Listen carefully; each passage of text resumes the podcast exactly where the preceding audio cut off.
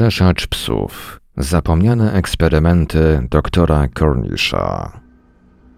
Czy niektóre historie lepiej pozostawić w grobie zapomnienia?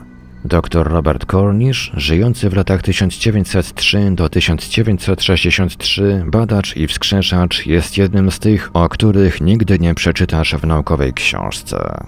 Jego historia poniekąd zakończonej sukcesem reanimacji zaczyna się w latach 30. XX wieku od serii psów jak jeden pies nazwanych Lazarus, kończy zaś w kalifornijskim więzieniu.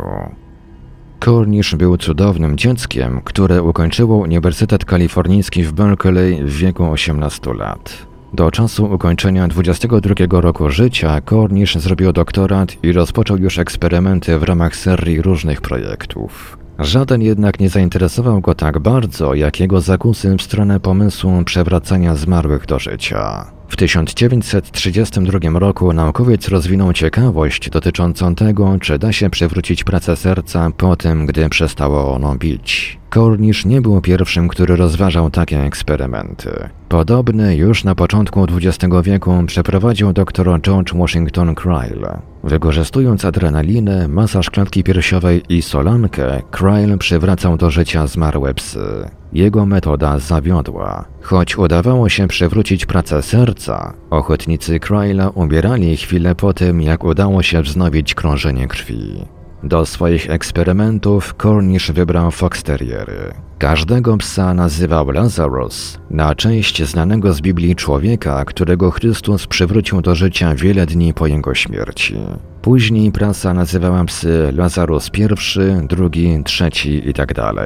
Cornish przypuszczalnie nie stosował takiego rozróżnienia. Początkowo jego badania były finansowane z grantów, zaś laboratorium składało się z budowli przypominającej stajnię, zlokalizowanej na Uniwersytecie Kalifornijskim.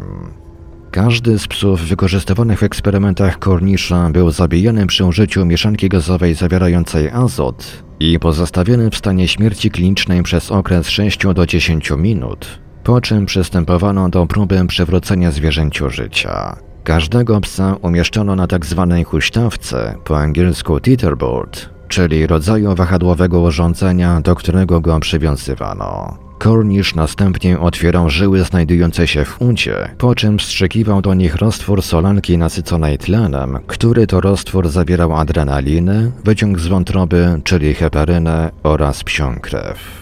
Gdy wykonywał u zwierzęcia resuscytację krążeniowo-oddechową, asystent popychał wahadło w jedną i drugą stronę, aby stymulować ruch serca. Pierwsze trzy przywrócone w ten sposób do życia psy ożyły jedynie na krótki czas, natychmiast potem zapadając w śpiączkę. Pierwszy z psów żył 8 godzin, drugi 5. W eksperymencie z trzecim Lazarusem w 1934 roku Cornish zmodyfikował swój roztwór, dodając gumę arabską celem zapobieżenia przemęczeniu serca. Pomimo ciągłych porażek, Cornish próbował nadal. U Lazarusa IV względem trzeciego zaszły znaczące postępy z niemal normalnym pulsem, podniesionym ciśnieniem krwi i zdolnością spożywania płynnego pokarmu. Po 13 dniach pies nauczył się szczekać, czągać, siadać i spożywać mięso. Był ślepy i nie był w stanie stać. Do tej pory najbliżej sukcesu był Lazarus III, jednak dla Kornisza to było za mało. Na poły świadomym przez ponad dwa tygodnie Lazarus ściągnął uwagę mediów na Kornisza i jego eksperymenty. To spowodowało niechęć ze strony uniwersytetu, w związku z czym Cornish został z niego usunięty. Gazeta The Berkeley Daily Gazette donosiła, cytat, on, Cornish, przyznaje, że pies, bardziej martwy niż żywy, zdecydowanie nie jest idealnym domowym psem. Jednak wydawało się najbardziej prawdopodobne, że będzie musiał zabrać psa do domu swoich rodziców. Koniec cytatu. Nie wiadomo, co o tym pomyśle sądzili sami rodzice Cornisha. Niechęć wobec Cornisha nie była ograniczona wyłącznie do społeczności uniwersyteckiej. Swoje wątpliwości zgłaszało również kilku przedstawicieli opinii publicznej.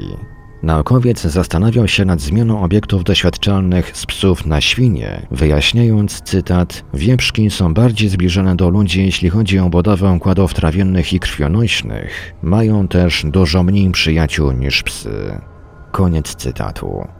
W dalszym ciągu jednak prowadził testy z wykorzystaniem faksterierów, tyle że teraz zamiast laboratorium robił to we własnym domu. Żaden z psów nie odzyskał jednak normalnych funkcji życiowych. Robert Cornish nabrał przekonania, że mógłby osiągnąć sukces eksperymentując na ludziach. Sądząc, że najlepsze wyniki osiągnąłby przywracając do życia pacjentów zmarłych w wyniku uduszenia, Cornish rozesłał petycję do władz stanów Arizona, Nevada i Colorado z prośbą o udostępnienie mu zwłok przestępców uśmierconych w komorach gazowych. Petycje zostały odrzucone, usłyszawszy jednak o jego dziwnych podaniach, do Kornisza na eksperymenty zgłosiło się wielu potencjalnych ochotników. Pewien mieszkaniec Kansas zasugerował, że 300 tysięcy dolarów stanowiłoby uczciwą cenę za udostępnienie Korniszowi swojego ciała. Kornisz nie przyjął żadnej z tych propozycji. Naukowiec kontynuował eksperymenty, wykorzystując w swojej pracy sztuczne serce, do momentu, gdy skontaktował się z nim Thomas McMonick, skazany na śmierć więzień z San Quentin. Stan Kalifornia rozpoczął w ostatnim czasie wykorzystywanie komory gazowej i fakt ten spowodował, że Cornish przystał na tę propozycję. Jak mówił w wywiadzie dla gazety The Mail, cytat, on, McMonick, chce, abym w interesie nauki przywrócił go do życia po egzekucji. Koniec cytatu. Władze stanu Kalifornia były innego zdania. Rozpatrywano podanie Cornisha. Okazało się jednak, że plan zawiera pewną lukę. Petycja została odrzucona, jednak nie z powodu niemoralności eksperymentowania na więźniach, ale z powodu rozbieżnych opinii co do stanu prawnego McMoninga po wskrzeszeniu. Czy pozbawiony, a następnie przywrócony do życia więzień nadal podlegałby karze śmierci? Jakiego rodzaju byłby ustanowiony precedens? Był to ostatni z eksperymentów Cornisha, który zwrócił uwagę opinii publicznej.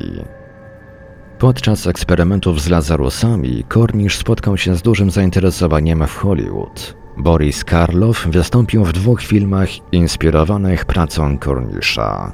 The Man They Could Not Hang, człowiek, którego nie mogli powiesić, z 1939 roku oraz The Man with Nine Lives, człowiek o dziewięciu życiach z 1940 roku. Naukowiec w rzeczy samej pracował jako konsultant w drugim z filmów. Owe filmy wprowadziły do science fiction wizerunek szalonego naukowca i były jednymi z pierwszych, w których zawarto koncepcję operacji na otwartym sercu.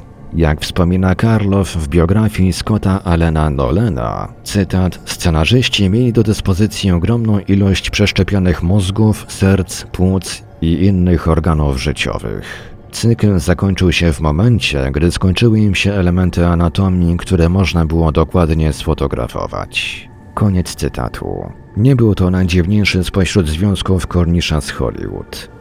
Inny film, Life Returns Życie powraca z 1935 roku powstał pod wpływem silnej inspiracji dotychczasową pracą naukowca. W rzeczy samej w końcowej części filmu zawarto autentyczne zdjęcia z prowadzonych przez Cornisha eksperymentów. Wskrzeszanie Lazarusa było poprzeplatane klipami z aktorami odgrywającymi rolę lekarzy i pielęgniarek, poszukujących końca śmierci.